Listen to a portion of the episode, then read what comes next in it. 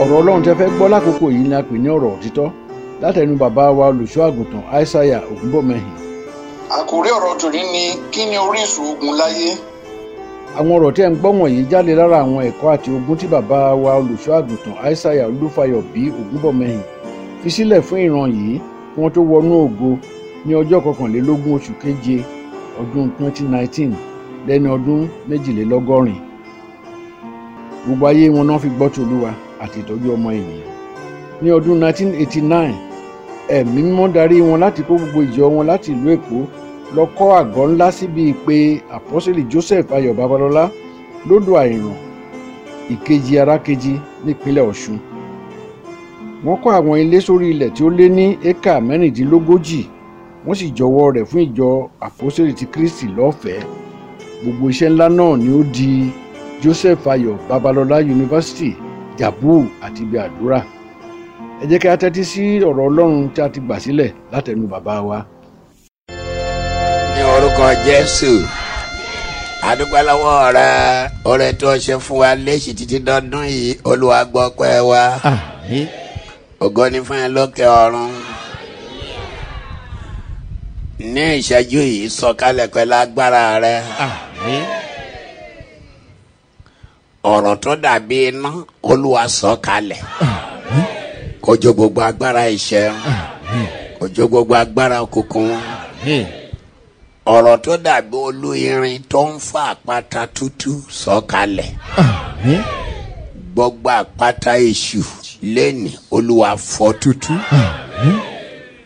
lára ẹnìkankan láyà ẹnìkan láyà ẹnìkankan olúwa fọ́ tútù ọlọ́run ọ̀rọ̀ rẹ̀ ó mú wọn lára dá ó gbà wọ́n là kúrò ní ìparun bó ọ̀rọ̀ náà ti ń jáde olúwa jẹ́ káwọn ọmọ rẹ̀ máa sàn gbogbo ẹnikẹ́ni tó gba àìsàn wá síbi ilé nìkan máa sàn àìsàn tẹ̀mí ẹ máa sàn àìsàn tara ẹ máa sàn gbogbo ohun tí bá ń ṣe àìní yín kí ọlọ́run bá pàdé lẹ́yìn ìsọjí ọjọ́ òní ayé òní rí bákan náà ìyàtọ̀ rere á wọ ayé ẹ jésù olúwa wa kí hallelujah nineteen seventy seven ni mo ti bẹ̀rẹ̀ sí ṣe I, ọjọ́ be- ìbí I began celebrating this birthday from Yenis. ó jẹ́ thirty six years Mẹ́rìndínlógójì. 36 years ago, I've been celebrating this event. ọdún mẹ́rìndínlógójì 40 minus 4. tá a máa ń wá Around báyìí 6. That I've been coming like this, tá a dẹ̀ ń gba àdúrà. and we normally receive mercy of God. mo ẹ má tẹ̀ jẹ́ ń pẹ́ lórí ọ̀rọ̀ iṣẹ́ ìyanu Don't let me waste too much time on miracles. torí ọlọ́run tó lò mí kí ẹ gbọ́n lò mí fẹ́nìyàn nìkan Not only that God used me for human beings alone, nígbà tó pè mí fún iṣẹ́ olúwa when He called me for His babalọ́lá assignment, ló sàsọtẹ́lẹ̀ pé máa ṣiṣẹ́ olúwa Babalola prophesied ó about sì this sọ work pé of God. níbi ìpè òun ni mo ti máa ṣiṣẹ́ olúwa And he linked it up to where he, Babalola, was called. mi ò mọ̀ I don't know him. kò mọ̀ mí He didn't know me. mi ń ṣe mẹ́mbà christ I apostolic was church never a member of Castle Apostolic Church. nígbà tó sọ̀rọ̀ When Babalola prophesied pé that ọmọ kan ó lé lógún ọdún a child or a young man that just was above 20, nineteen fifty eight that prophecy happened 1958. ọmọ náà ló máa ṣiṣẹ́ níbi ìpè òun That man would transform he where òun rí pé Babalola ibi was. ìpè òun di ìlú He discovered that where he was called was ọmọ náà transformed. lọ́lọ́run lò The Lord used this man in èmi wà question. ní wílọ́bì. I was living at Willoughby òun Street. wà òun bọ̀ láti gbẹ̀tẹ̀ ẹlẹ́fọ́ dúró ní He was coming òyìnbó from CAC Ebute Left when he stopped at Onigbo. ẹni bá mọ wílọ́bì tó sì mọ òyìnbó If you know Willoughby Street and Onigbo, wàá rí i pé wọn ò jìnnà síra you wọn. can see how close the proximity was there. Eh, mo rò pé ìgbà tó dé òyìnbó bóyá ìmísí yẹn tọ̀ wá When he pé got to Onigbo, he got ẹni máa inspiration. ṣiṣẹ́ níbi pé ẹ wà nítòsí. Someone who will transform where mi you ì ń were ṣe called was- mẹ́mbà cac That particular time, I was never a member of nígbà tó CAC. sọ̀rọ̀. When he prophesied, after thirty two years lẹ́yìn ọgbọ̀n ọdún lé ọdún méjì after ni thirty mo two ṣiṣẹ́ years, níbi pé babalọ́lá. I manifested that prophecy at where Babalola ìgbà was tí called. ma ṣiṣẹ́ níbi pé babalọ́lá And when what that was to be done, àwọn ará ìkejì fúnra wọn the KG community, wọn ti rí vision láti nineteen twenty. they had a vision since 1920 bẹ́ẹ̀ ìránṣẹ́ ọlọ́run kan ń bọ̀ that a minister of God shall come tó máa jẹ́ kí ìlú ìkejì di mímọ̀ káàkiri that will àgbáyé. make their community known as a KG to be known all over the world. ìgbà tí mo dé ìkejì ara kejì When I go to láti Ikejara jíṣẹ́ fún wọn pé olúwa rán mi níṣẹ́ to tell them that God sent ṣe me ni wọ́n there, sọ fún mi pé àwọn ṣẹ̀ṣẹ̀ gbàgbọ́ ọjọ́ mẹ́ta tán and they told me they've just fasted for three days. ṣe ìwọ́lì kan wá A prophet came, ó lè náà ní twenty làwọn dẹ̀ ti ń gbọ́ ọ̀rọ̀ yìí and they have been hearing this message. since wọ́lì Wednesday. ṣẹ̀ṣẹ̀ wá ni ó dẹ̀ ní káwọn lọ gbàgbọ́ àtàdúrà A prophet has just come Pray. to out and they should pray and fast. ìránṣẹ́ ọlọ́run tó ń wí yẹn o That that minister of God has Ó told dé you tán o. in 1920 ẹ and lọ gbàgbọ́ àtàdúrà fast for three days. mo ti parí àwọ̀ àtàdúrà ọjọ́ mẹ́ta yìí After three days ni fasting, mo dé ìlú ìkejì I arrived at Ikejara láti Keji ṣiṣẹ́ to work there. ohun tí mò ń sọ ni pé ọ̀rọ̀ kúrò pé bẹ́ẹ̀ yà yàn ń dán ẹnu What I'm trying to avoid is that I'm not marketing any product here at all. iṣẹ́ tọ́lọ́run ti ṣe ó ti pọ̀ What the Lord has done in Eh. nígbà this tó pè mí episode fún is much. iṣẹ́ ó ní kí n máa ṣọjọ́ ìbí wọ́n bí mi fún iṣẹ́ He olúwa ordered me to be celebrating my birthday because I was purposely born to be a minister of God. csc dẹni tó ní camp Christ Apostolic Church has a camp now. èmi tọ́lọ́run lò fún wọn rí By the grace of God, the Lord used me for that camp. csc dẹni tó ní jábù joyce fayo babalọla university That is the acronym name Joseph Ayo Babalola University, Jo- Ah, ibi tí mo ti ṣiṣẹ́ where I worked. ilé tẹ̀ mí kọ́ síbẹ̀ The transformation I made there, ni wọ́n improve lé lórí one monthly, ni wọ́n fi kọ́ university. they only pep up what I did as a foundation. sọ̀rọ̀ mi kúrò pé bóyá à ń dán ẹnu. I'm not a marketer, I'm not marketing christ anything. Here. apostolic church ń gbádùn university lẹ́nìí Christ Apostolic Church today, they are enjoying a university. olúwa lómi fún wọn. God used me for them. wọ́n ní kámpù lẹ́nìí They have a camp today, olúwa lómi fún wọn. the Lord used me for them. Ah, ọlọ́run tó lò mí The Lord has used me fún gbogbo christ apostolic church worldwide for CAC worldwide. igbó ní ibẹ̀ that place was a reserve forest. reserve forest Igbokijikiji. kọlọ́run tó sọ di ìlú Before the Lord transformed me olúwa into a lọ́run á Satan, sọ di ìlú The Lord prophesied Wọ́n á he sọ would di transform it ìgboro. into a city, Ó sì into ṣe a bẹ́ẹ̀. town, and it manifested. bá lò mí fún gbogbo christ apostolic If he church used me for CAC, tí wọ́n ń gbádùn ẹ̀ and lẹ́nìí today they are enjoying that tí site. yunifásitì débẹ̀ yẹn They lẹ́nìí. have a university there. Known mo wọ yẹn nǹkan tó room lẹsẹ 2000. láyé ẹ ní ìjókòó ẹ yìí I begin to imagine what the mo Lord wọ shall nǹkan do tó for you lọrùn máa today. dá lára láyé ẹ ní ìjókòó What the yìí Lord shall do in your life today. kì í ṣe pé bóyá ó ń wọ̀sán nìkan Not only náà that he healed, àwọn iṣẹ́ ìbùkún tó máa ṣe láyé ẹ The ńkọ́ blessing that follow your life as far today, yóò ló ń kà lẹ́nu they are immeasurable. tí christ apostolic church bá yan ọlọ́run lọ́gọ lẹ́ni tó bá lọ́run ní yunifásitì If CAC is glorifying the Lord today, they have a university. ọlọ́run lò mí fún The Lord used me for that purpose. mo nígbàgbọ́ pé I believe strongly. ọlọ́run máa lò mí fún ẹ The Lord shall use me in your life today. hallelujah Hallelujah. ẹ ọmọ ọlọ́run Brethren, à ń lọ síbi tá à ń lọ we are going to Níbo là ń that country. lọ? Where are we going? ogun màláyé This world is full of problem and challenges. ayé tá a wà yìí This life we ayé tó jí sí láàárọ̀ yìí. this glorious dawn tó dìrọ̀lẹ́ inú ẹ̀. and this is sunset ǹjẹ́ o mọ̀ pé ogun ni. is full of challenges and war. bọ́ lọ́wọ́ ń bẹ ogun. If you are rich, what Bọ́ọ̀ shall bímọ, confront ogun. you? If you are fruitful, you will be challenged. àìbímọ ogun. If you are barren, you will be challenged. bọ́ọ̀ ní sùúrù ogun. If you are a very easy going bọ́ọ̀ person, you will be lẹ̀jà challenged. ogun. And if you are easily agitated, you will be challenged. kọ́ fi gbogbo ọjọ́ ayé ẹ̀ṣọ́ rẹ. If you are first class benefactor to others, Ogun. you will be challenged with warfare. kí ló wá fààyè kí ni táyé ìjẹ́ ogun. Why is this earth associated with warfare? That's the èṣù people. ló jẹ́ ojú ogun. Nobody, of course, but Satan. bíbélì sọ pé The Bible says ẹ̀ṣọ́ ọ̀tá ẹ̀mí wa ni. Satan happened to be our first. bí class kìnìún ti ń enemy. ké ramúramù. As the lion roars, ó ń wọ ẹni tó máa pàjẹ́. looking for who to devour.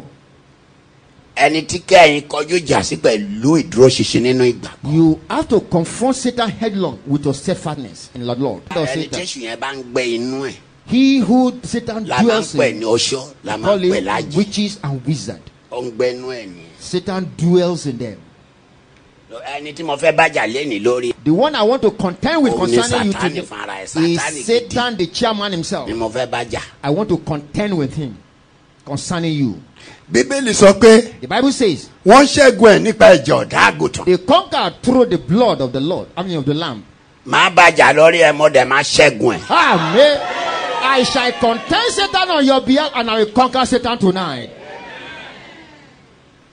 níbi tí ògbẹ́ gbọ́dọ̀ sí ogun òun ni Where ọ̀run. ordinarily There should be nothing like problem should be ṣùgbọ́n ní heaven. ọjọ́ kan The Bible says one day, bíbélì sọ pé the book tells us one ogun day, máa ń bẹ lọ́run and there was war in heaven. ta lọ́dẹ̀ wàá fa ogun sọ́run Who initiated this war? ṣebí láyé ni mo sọ lẹ́ẹ̀kan pé ogun I told you this earth we hear is full ṣùgbọ́n of ké láyé problem. ìtẹ̀ tó jẹ́ ogun Before the earth became a problem, lọ́rọ̀ tẹ̀mí ń sọ yìí ti ṣẹlẹ̀ this message of mine had manifested. ọgbẹ́ni tó ń ní sátánì yìí ṣe This one we call Satan. gbogbo nǹkan lọ́lọ́run lè ṣe God can do everything. ẹ á mọ ọlọ́run ọlọ́run Brethren. nípa sátánì Let me assure everybody tonight, God will not be Ah, Satan. arábìnrin ọlọ́run nípa sátánì Sisters, be told, God will not kò be sí Satan. nǹkan tọ́lọ́run ṣàlẹ̀ ṣe o God will do anything. Ah. ọlọ́run nípa èṣù o God will not kill Satan. Be told tonight.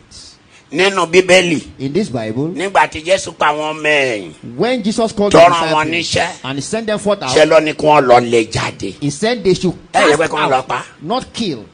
ẹ máa lé jáde ni You will cast out demons. kò ṣeé pa You cannot kill ọgbẹ́ni Satan. yẹn ò ṣeé pa You cannot kill Satan. Be ó lè told. bàjẹ́ You can kill ó lè witches pọṣọ or wizards. ó lè pọ̀tà tó ń yọ ẹ lẹ́nu Identify enemy you can ṣùgbọ́n kill. ṣọ́ra àwọn nìtọ́ ń pè ní sátánì This man Satan. ẹ ṣe é pa ìwé ìfihàn Revelation. orí kejìlá ẹsẹ̀ keje Revelation 12 7. ọgbọ́n sì ń bẹ lọ́run There was war in heaven. Míkẹ́lì àti àwọn áńgẹ́lì rẹ̀ bá dágónì náà jagun. michael Michael, olórí ogun ti ọlọ́run nìyẹn that is the commander in chief of Lost War, wọ́n lọ bá dragoni náà jà and he fought with the dragon. Dragoni sì jagun àti àwọn áńgẹ́lì rẹ̀. dragon náà tún jagun pẹ̀lú àwọn And áńgẹ́lì the rẹ̀ dragon and his angel Wọn kò fought sì lè back. ṣẹ́gun. bí wọn ò ṣe lè ṣẹ́gun lọ́jọ́ náà As they were unable to conquer that day, dragon ayé lẹ́nì kò ní lè ṣẹ́gun the dragon confronting you tonight will not conquer you in the name of the Lord. tọ́nà ń pè ní dragon Who is dragon? ẹni tí mò ń wí yìí náà ni èṣù yìí náà ni. Satan, of course. Ọlọ́run- oríṣiríṣi lórúkọ ẹ He has several names. ìkànnì yẹn ní orúkọ ẹ That happens to be one of his names. tó kà síwájú sí i. Can you read further? Wọn kò sì lè ṣẹ́gun. Bẹ́ẹ̀ ni a kò sì rí ipò wọn mọ́ ní ọ̀run. bíbélì sọ pé The Bible says olúwa lé wọn sọnù lọ́dẹ ọ̀run the Lord drove them out from Hmm. heaven. sátánì àtàwọn ọmọ ogun ẹ Satan and his soldiers. ìjà náà pọ̀ o The battle was fierce. ìjà yẹn pọ̀ It was a fierce battle, ṣùgbọ́n ọlọ́run ló ṣẹ́gun but the Lord conquered. ọlọ́run tó ṣẹ́gun ẹ̀ yẹn That Lord that conquers lẹ́mí Satan, fi lọ́wọ́ lẹ́nì that is the God I'm introducing to ni you mo mú tonight. wá síwájú ẹ I lẹ́nì brought before you tonight, pẹ́ lẹ́nì tonight, ọgbọ́n èṣù yìí tó wà ní àpàkọ́ ẹ láyé ẹ the Satan war confronting lẹ́nì you tonight. lolúwa máa bá ẹ ṣẹ. Today marks the end of that war in your life. wọ́n máa ń ṣẹ́gun ẹ ní wọn kì í pa You conquer Satan, you don't kill Satan. wọ́n sọ fún ẹ lẹ́kan ó lè pọ̀tá ẹ You can kill your enemy. ó lè pọṣọ́ You can kill ó witches lè bàjẹ́ or wizards. ó lè pẹlẹ́bọ lọ́gùn All charmers you can kill. ṣùgbọ́n sátánì But Satan, wọ́n ń pa you, he has an man immortality said spirit. when- You can only conquer Satan. òun ló ń da gbogbo ìlú rú. is the one troubling this country up and down. tó o bá ti ní kinní kan tí inú ẹ ọ̀dùn sí bọ́ ṣẹjọ́ kọ yìí o Anything that introduces ẹni sadness tí mò ń into your sọ̀rọ̀ ẹ ló life, wà ń díẹ̀ you trace it to the doorstep of ọlọ́run Satan. dẹ̀ máa bá ẹ ṣẹ́gun ẹ And the Lord shall conquer your ọ̀tá battle. wa ni ọ̀tá wa ènìyàn ni Satan Ọ happens to be kórìíra wa tó the jẹ́ first pé enemy of human being. kò He ṣe hates fẹ́ us beyond nígbà tó description. tilẹ̀ ṣe tọ́lọ́run tí ò rí ṣe Since he cannot conquer God in heaven, ọ̀dọ̀ wa ló fàbọ̀ sí. there he ended with men and ẹ women. máa jẹ́ ká máa gbọ́ ohun tí wọ́n wí. Revelation 12 downward. Revelation 12 7 downward. A sì lé dragoni ńlá náà jáde. alẹ́ dragoni ńlá náà jáde lọ́dẹ ọ̀run The Ejò láíláí dragon ni. was cast out of Ejò. heaven. The orúkọ ẹ̀ old, tún nìyẹn o the old ẹjọ́ serpent. láéláé ẹni the Tí à old ń pè serpent. ní èṣù tá à ń pè ní èṣù Wọ́n- àti Satan. sàtánì. tá a tún máa ń pọrúkọ ẹ̀ ní sàtáánì You Tí can ń even tan call it gbogbo ayé jẹ. Satan. tó ń tan gbogbo ayé jẹ. Who A sì lè deceived the jù sí world? ilé ayé. ẹ mọ lọ́run ṣé ọgbà ibi tó náà lẹ sí And kí it nǹkan tó was fa sent ogun unto nǹkan this tó fa earth. ogun tàwa nìyẹn o That was the beginning of problem for ọlọ́run ti mankind. fírí o Ọlọ́run ti wẹ̀ ó ó yán ti kan já ikọ̀. tiẹ̀ ó ti ṣẹ́gun lọ́hùn God o had conquered in heaven. ṣùgbọ́n then. bíbélì sọ pé The Bible says, wọ́n lè sínú ayé. tí ẹ bá ń fẹ́ láti máa gbọ́ àwọn ọ̀rọ̀ wọ̀nyí lórí whatsapp ẹ sẹ́ndì yes sórí ẹ̀rọ ìbánisọ̀rọ̀ 0809 678 oh 1135 0809 678 1135 kí olúwa bùsí ọ̀rọ̀ rẹ̀ fún ìgbàlà ẹ̀mí wa àmín.